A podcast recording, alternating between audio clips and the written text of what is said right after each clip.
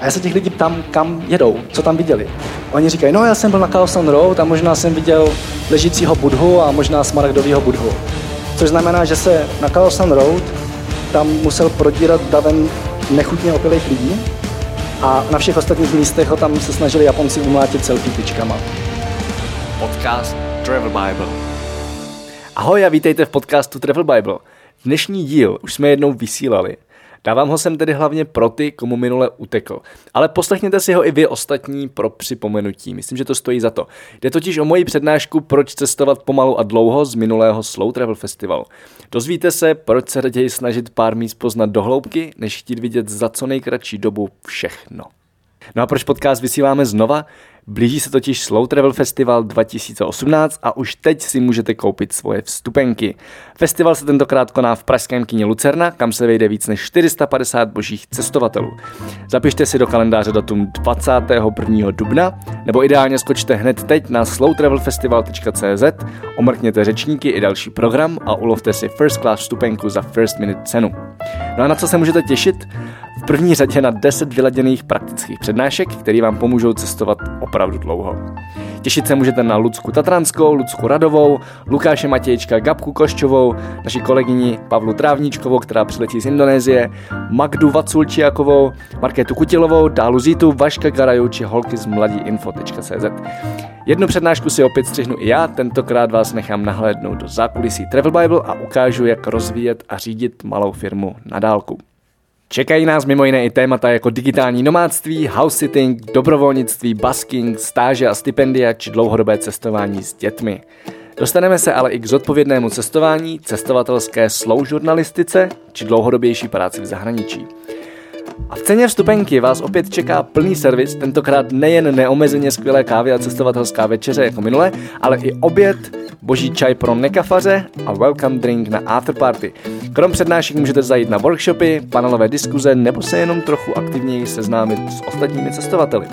Kamarád Adam se dokonce na minulém Slow Travel Festivalu seznámil se svojí současnou přítelkyní, ze kterou teď cestují po Ázii, takže už jenom proto to podle mě stojí za to. Tak ještě jednou vstupenky koupíte na slowtravelfestival.cz a já se moc těším, až se potkáme naživo. Pokud chcete a jste online na travelbible.cz lomeno podcast, najdete z téhle přednášky i videozáznam, ale jinak pojďme na to. Tohle jsme s Petrem procestovali za půl roku v Ázii a já věřím, že by se to dalo stihnout za tři měsíce, možná za dva, všecko dohromady. Jenomže to by nás nebavilo. My rádi cestujeme pomalu a věříme, že vy taky, proto jste tady. Vítám vás i za nás, za mě a za Petra. Věřím, že se to dneska užijete. A my se dneska dostaneme samozřejmě k praktickým typům, jak cestovat dlouho. Budeme se bavit o tom, jak takovou cestu financovat, jak se na ní připravit, co si zabalit, jak neutratit zbytečně mnoho, jak vyrazit na, na takzvaný year, dát si rok pauzu. Vítě Válka vám potom poví o tom, jaké to je cestovat s rodinou. Ale já začnu u toho nejdůležitějšího. Já začnu u toho, proč nás baví cestovat dlouho, proč by to mohlo bavit vás a proč jsme se vůbec rozhodli udělat tenhle festival. Tohle je Adam Marčan, můj dobrý kamarád, který bude mluvit hned potom po nás. A my jsme věděli, že oba budeme tuhle zimu v Ázii a taky nám bylo téměř jasné, že se nemáme šanci potkat. Bylo nám to líto, ale nebylo moc co s tím dělat. Já jsem pak odletěl do Chiang Mai v listopadu a Adam Marčan mi pak najednou napsal, hele, nejsi náhodou v Bangkoku? Já přiletím, mám tam tři dní volno předtím, než budu pokračovat na Bali. Já jsem odpověděl, že nejsem, že to asi neklapne. A pak jsem nad tím chvilku přemýšlel a říkám, ale Bangkok je kousek, hodina letu. Takže jsem si koupil letenku a za pár dní jsme se potkali s Adamem v Bangkoku na kafi. Dospěli jsme tam k tomu, že bychom se přeci jen mohli potkat a domluvili jsme se, že poletíme spolu do Větnamu, kde jsme se taky o několik týdnů později spotkali. Bylo to v Danangu, v městě velikosti Prahy uprostřed Větnamu. Bydleli jsme tam v tříhvězdičkovém hotelu za 10 dolarů na noc. Tohle byl náš výhled z okna. Vypadalo to trošičku jako divný Las Vegas. Bylo to kousek od pláže, ale bylo to hrozně daleko od města, ve kterém bylo vlastně všecko. Byly tam kavárny, bylo tam místo, kam se jít najíst, byly tam obchody. A já jsem měl tři možnosti. Já jsem buď mohl trčet na tom hotelu, chodit občas na pláž možná, nebo jsem mohl být závislý na Adamovi a na taxíkách, který tam nejsou úplně levný. No a nebo jsem mohl poprvé v životě sednout na motorku a začít ji řídit. Nemám řidičák, nikdy jsem motorku předtím neřídil, ale dopadlo to takhle. Do motorky jsem se zamiloval. Uvědomil jsem si, že to je ta největší svoboda, kterou minimálně v Ázii můžete dostat. A je sice pravda, že řídit tady v tom provozu prvních několik dnů byl docela nářez. Naštěstí jsem to zvládl a byl to jeden z těch momentů, kdy jsem se fakt donutil vylézt ze své komfortní zóny. Já jsem se motorek předtím hrozně bál. Sedl jsem na ní a jel jsem. A komfortní zóna je věc, která se tady dneska bude hodně opakovat, proto nebudu mluvit o ní, ale budu mluvit o lidech. My jsme s Adamem každý den chodili na stejné místo na snídani, tady za tou milou paní, na nudle Miguang. Hned naproti měli stánek, kde dělali vynikající smoothie. Pak jsme chodili pracovat každý den do stejné kavárny Aroy, to byl takovýhle super výhled na trh. A všude si nás tam lidi pamatovali. Bylo to hrozně milý, protože my jsme přišli, oni nás zdravili, věděli, co si dáme. A když jsme třeba přišli pozdě, tak se hrozně divili, jak to, že jdeme pozdě. No a jednoho dne jsme hledali oběd. Jeli jsme podle nějakého větnamského foodblogu na místo, kde měla být hrozně slavná restaurace vegetariánská. Žádná tam nebyla. Ale o kus vedle byla taková typická azijská garáž s plechovými stoličkama, s maličkýma plastovými židličkama a před ní se vařil obrovský kotel fo, jakože asi tak vysoký, polívky fo. Hrozně to vonilo, tak jsme si objednali fo. Bylo to nejlepší asi fo, který jsem ve Větnamu měl. No a celou dobu, když jsme jedli, tak na nás vykukovala tady ta maličká, milá babička. Byla to dobu docela vystrašená, protože si asi říkala, co tam dělají ty dva bílí kluci, který v životě možná neviděla. A byli jsme asi tak dvakrát vyšší než ona, takže byla trošku vyděšená. Jenže jsme tam pak chodili stejně jako na snídaní a na, na kafe jsme chodili téměř každý den na oběd k ní. A ona se nás postupně přestala bát. Nakonec nám nosila smažený tofu, salát navíc, sahala mi na dredy, vůbec nechápala, jako, co to má být. Jednou jsem dostal hrozně vynanáno, že jsem si vymačkal málo limetky do polívky, tak přišla a celou mi ji tam vymačkala. A bylo to hrozně milé se tam na ty místa vracet. Jenže pak jsme odjeli. Já zpátky do Tajska, Adam do Střední Ameriky a vypadalo to, že se do Danangu možná někdy v životě vrátíme, ale rozhodně až za dlouho. No jenomže v Tajsku můžete být maximálně 30 dní, pokud nemáte výzum, který já jsem neměl.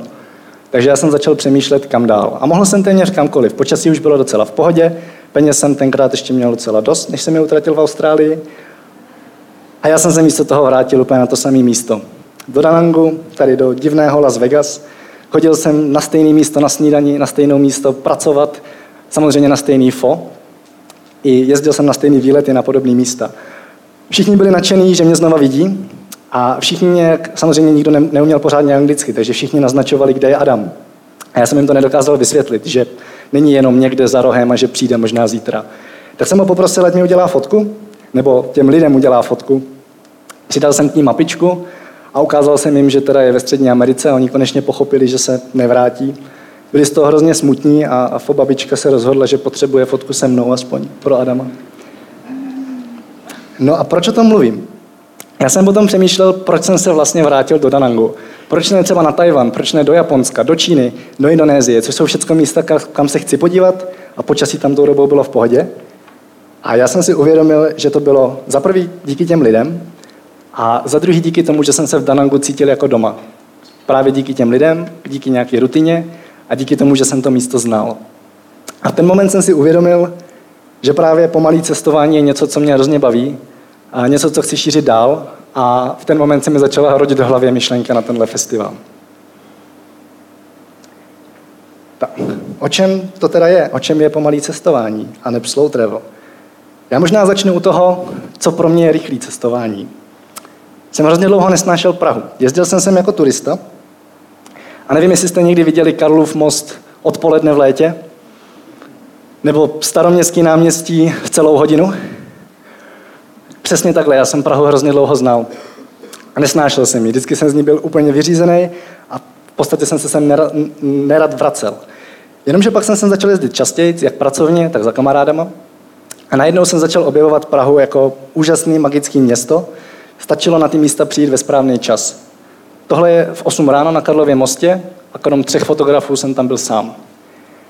No o něco později jsem začal objevovat místa, kam můžete jít kdykoliv a jsou kdykoliv nádherný.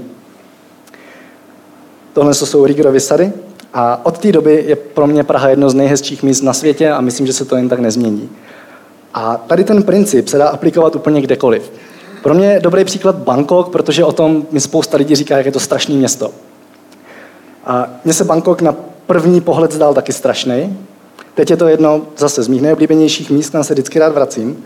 A já se těch lidí ptám, kam jedou, co tam viděli. Oni říkají, no já jsem byl na Kaosan Road a možná jsem viděl ležícího budhu a možná smaragdového budhu.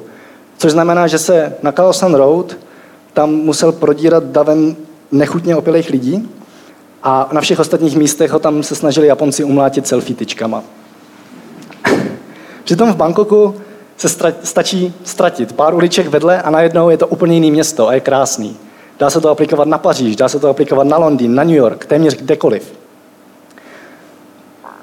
Určitě znáte i to, že jste, se, že jste si chtěli na cestách odpočinout, konečně jste měli tři týdny volno, vyrazili jste někam a chtěli jste vidět všecko.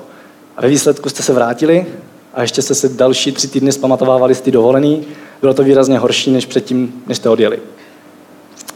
Možná se vám stalo i to, že jste utratili mnohem víc, než jste chtěli, protože najednou platíte za dopravu, platíte za jídlo, nějaký výdaje, se kterými úplně nepočítáte, občas si koupíte nějakou kravinu typu dešník s Eiffelovkama, to samozřejmě musíte v Paříži.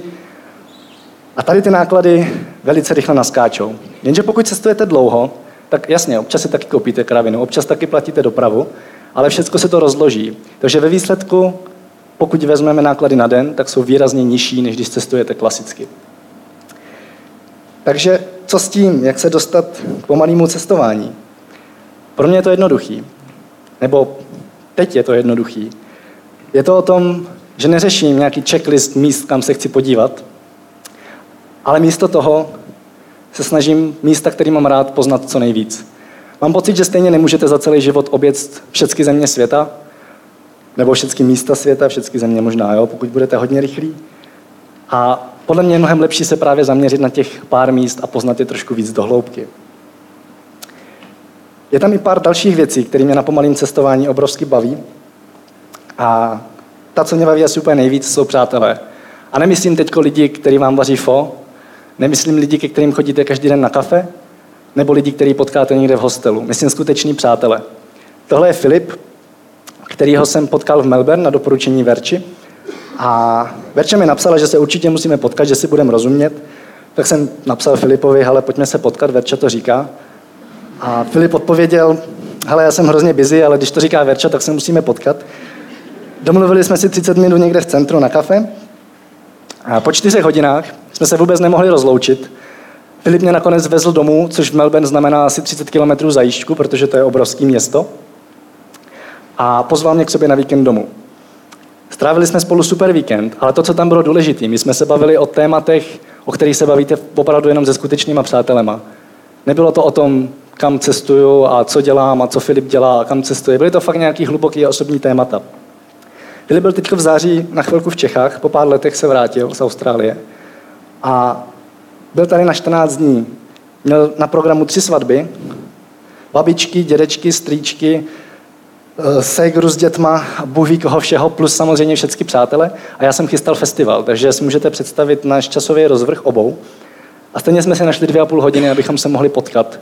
Jeli jsme spolu vlakem z Prahy do Brna a za těch dvě a půl hodiny jsme se opět dostali k velmi hlubokým tématům, se kterými se bavíte, eh, o kterých se bavíte se skutečnými přáteli. Myslím, že se zase brzo potkáme. Už plánujeme, že spolu poletíme na Tajvan objevovat naši společnou vášeň, a to je čaj. A Takových lidí na cestách potkávám víc.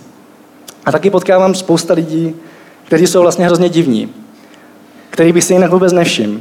Jsou to takoví ti, ne ti, co v hostelu přijdou jako první vás oslovit, kdo jste a co děláte a, a co tam děláte, jestli jdete na pivo, ale jsou to ti, co jsou schovaní v rohu a jsou to často hodně zajímaví lidi. Vy potřebujete čas, abyste se dostali k ním a najednou z nich se stanou pořád divní, ale v tom, v tom správném slova smyslu, cestovatelský divný nebo lidský divný, příjemně divní lidi. To, co mě baví krom přátelství, je hledání skrytých míst. A já se strašně rád ztrácím. Většinou si pročtu nějakého průvodce, když někam přijedu, pročtu si těch deset top míst a pak na ně nejdu. Snažím se jednoduše ztratit, ono to se člověk nemusí úplně snažit, a ve výsledku najdu spoustu úžasných míst. Tohle je na severu Tajska.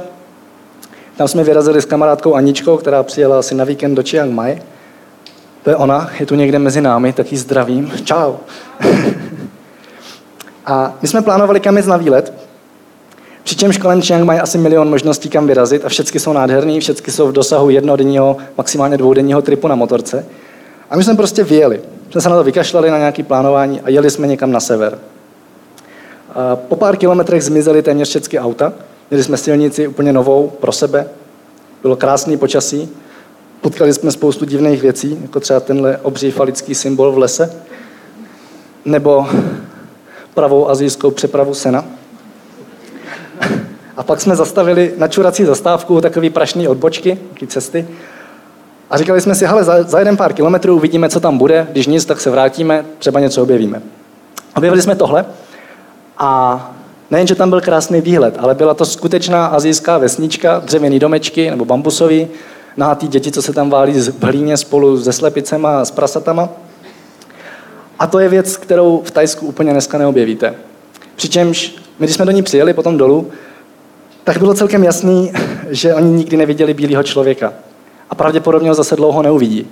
Tajsko je dneska rozvinutá země, bohatá, téměř všude vedou asfaltové silnice a objevit takovouhle vesničku je dost náročný. My jsme ji objevili úplně náhodou. To, co se mi taky líbí, vy si můžete všímat detailů, můžete si všímat drobností. Nikam nespěcháte, takže je vám jedno, že neuvidíte Eiffelovku a radši můžete hledat nejzajímavější kliky v Paříži. A to, co je super, někdy stačí se ztratit nebo popojit jenom kousíček od toho turistického místa. Tohle je v Mujne. A Mujne je jedna z nejslavnějších rybářských vesniček v Ázii, jezdí tam tisíce turistů za den. Je to takový divadlo pro turisty, rybí trh. A tam jsem byl náhodou taky s Aničkou. My jsme popošli asi dva kilometry vedle po pláži a najednou jsme tam pro ty lidi byli atrakce. Bylo vidět, že tam turisti vůbec nechodí, nebo skoro vůbec. Byli tam všichni hrozně milí a rádi se fotili, což v té turistické vesničce moc bez peněz nešlo. Když jsem byl v Melbourne, tak místo toho, abych chodil na pláž nebo koukal po památkách, tak jsem si vyhradil několik dnů a prostě jsem chodil po grafity. Je jich tam spoustu. A když jsem byl v Hanoji, tak jsem tam s kamarádem Tomášem objevil takovou silnici, kde místo aut a motorek jezdí vlak. A nevím, jestli jste byli v Hanoji. Hanoj je hrozně bláznivý město a centrum je plný turistů. A ty lidi tam jsou takový dost jako otažití, plus je tam milion motorek, milion aut a všichni se vám snaží jako něco prodat, je to tam dost crazy. A najednou tady v té uličce, která byla o pár ulic vedle, oproti tomu centru, tak lidi byli úplně jak vyměnění. Usmívali se, nebáli se nás, rádi se fotili, to není v Hanoji obvyklý. I tu slečnu jsme vyrušili ze sprchy. No a krom míst je to i o kultuře. Eh, spousta věcí o nějaké kultuře pochopíte až po delší době, co tam jste. Často vám to řeknou místní, anebo si to postupně uvědomujete tím, že tu kulturu trošku pozorujete. Tohle je opět zpátky kousek od Danangu. A já jsem tam, když jsem tam byl po druhé, tak jsem tam potkal Američana, který tam žije, vzal si Větnamku. A on věděl, že mám rád ústřice, tak mi pak říká, hele, tady kousek nedaleko, pár desítek kilometrů je ústřičná zátoka. Prodávají tam 3 kila ústřic za 17 korun, tak jsem říkal, tam jedu, musím. Vyrazil jsem s kamarádama Slovákama, přijeli jsme k zátoce, skutečně tam chovají ústřice. Viděli jsme, jak to dělají, mají to nalepené na pneumatikách, je to docela zajímavý. A protože jsme ještě neměli hlad, tak jsme říkali, hele, objedem to, něco nafotíme a pak se vrátíme někam, kde se budeme tím najíst. Po cestě nás zastavila taková partička Větnamců, jestli se s nimi vyfotíme, což se vám ve Větnamu bude stávat pořád. Jsme se vyfotili, si tak 100 fotek jsme udělali a oni nás pak pozvali na oběd. Měli jsme výborný ústřice, spoustu jiných zvláštních rybích věcí. Čtyři hodiny jsme se bavili, aniž by oni uměli anglicky a my větnamsky, jenom přes Google Translator, je to úžasná vychytávka. Pak za nás zaplatili, zaplatili 50 korun za sedm lidí po čtyřech hodinách jídla a pozvali nás, jestli s nimi ještě pojedeme k vodopádu, který je nedaleko. Jsme říkali jasně, rádi. Přijeli jsme k vodopádu, a větnamský vodopád vypadá takhle. Všude tam sedí lidi a jedí. My jsme samozřejmě sedli, kluci tam objednali jídlo a zase jsme jedli. Já jsem si tam uvědomil, že francouzi se ze svojí posedlostí jídlem můžou jít zahrabat protože posedlost u Větnamců je naprosto neuvěřitelná. Strávit celou neděli jenom jedením, to asi žádný jiný národ neumí. Takže je to o kultuře, je to i o jídle. Je to i o tom, že můžete zkoušet nové věci. Třeba právě v tom jídle. Je vám jedno, že neskusíte zrovna dneska to nejslavnější jídlo toho místa, prostě si náhodou objednáte z jídelníčku.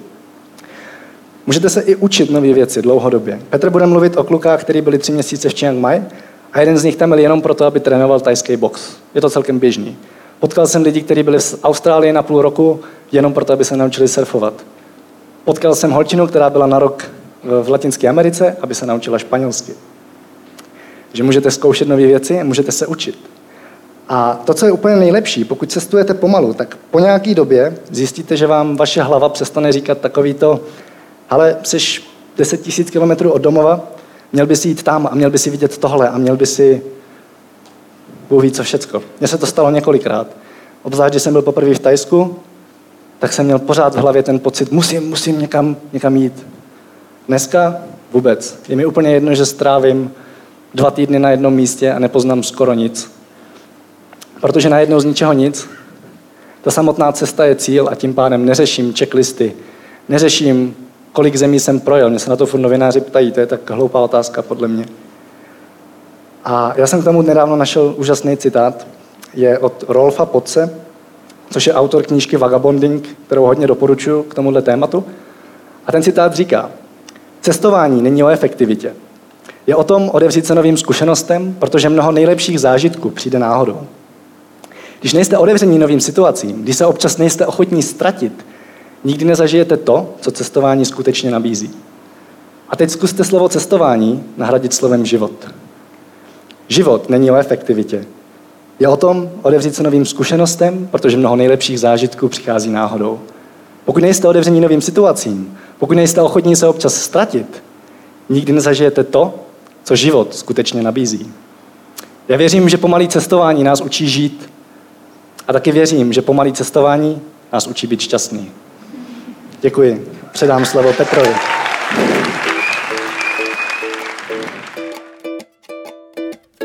Tak jo, to je všechno. Pokud se vám podcast líbil, sdílejte ho se svými přáteli, třeba je taky inspiruje cestovat pomalu a dlouho. A to nejdůležitější, nezapomeňte si koupit své vstupenky na letošní Slow Travel Festival. Najdete je na slowtravelfestival.cz.